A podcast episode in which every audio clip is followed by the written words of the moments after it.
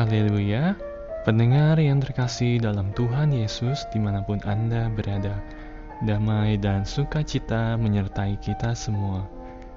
Renungan Sauh Bagi Jiwa yang disajikan Gereja Yesus Sejati berjudul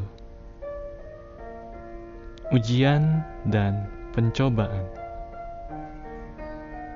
Dalam nama Tuhan Yesus membacakan renungan firman Tuhan. Berbahagialah orang yang bertahan dalam pencobaan, sebab apabila ia sudah tahan uji, ia akan menerima mahkota kehidupan yang dijanjikan Allah kepada barang siapa yang mengasihi dia.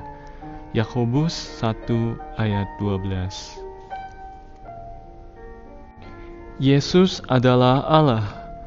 Dia tidak perlu menguji diri sendiri, tetapi dia mau memberi teladan bagi kita agar menang dengan bersandar kepada Tuhan, maka Dia membiarkan dirinya dicobai oleh iblis.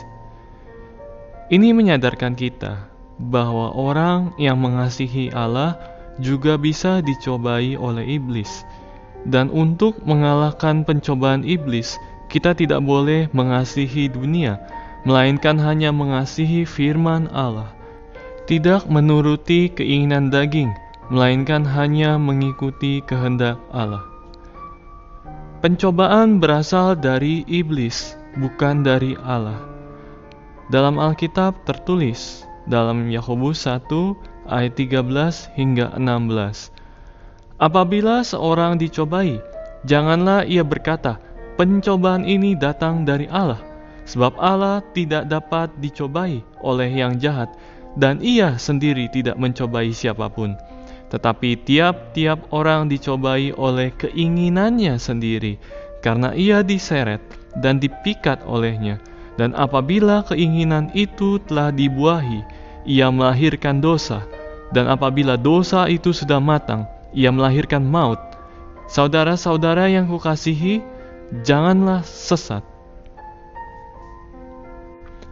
Allah menghendaki kita tidak sesat sebab Allah tidak dapat dicobai oleh yang jahat, dan Ia sendiri tidak mencobai siapa pun. Apabila seseorang dicobai, ia dicobai oleh keinginannya sendiri yang menyeret dan memikatnya, jadi bukan dari Allah. Allah hanya akan menguji kita, tidak mencobai kita. Ujian berasal dari Allah sama sekali tidak mengandung unsur jahat, sedangkan pencobaan berasal dari iblis yang penuh dengan maksud jahat.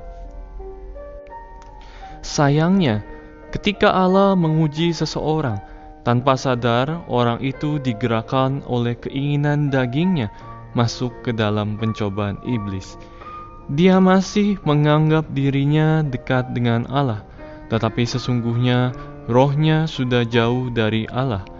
Ada pula orang sadar bahwa dia sedang dicobai iblis, tetapi karena hajaran Allah tidak juga kunjung datang, maka dia mengeraskan hati dan menutup telinganya dari firman Allah. Dia terus melangkah di jalan yang salah, sampai akhirnya hajaran Allah menimpa dia. Terlambat sudah untuk menyesal. Iblis yang licik tahu benar hati manusia.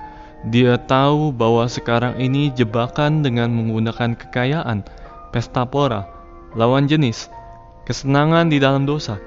Tidak lagi ampuh menjerat orang yang mengasihi Tuhan, maka dia menggunakan cara lain, yaitu dengan ajaran yang menyesatkan, filsafat atau pengetahuan modern, iman yang goyah, kesombongan, menarik orang dari ujian Allah ke dalam pencobaan iblis. Hal ini tentu sangat disayangkan.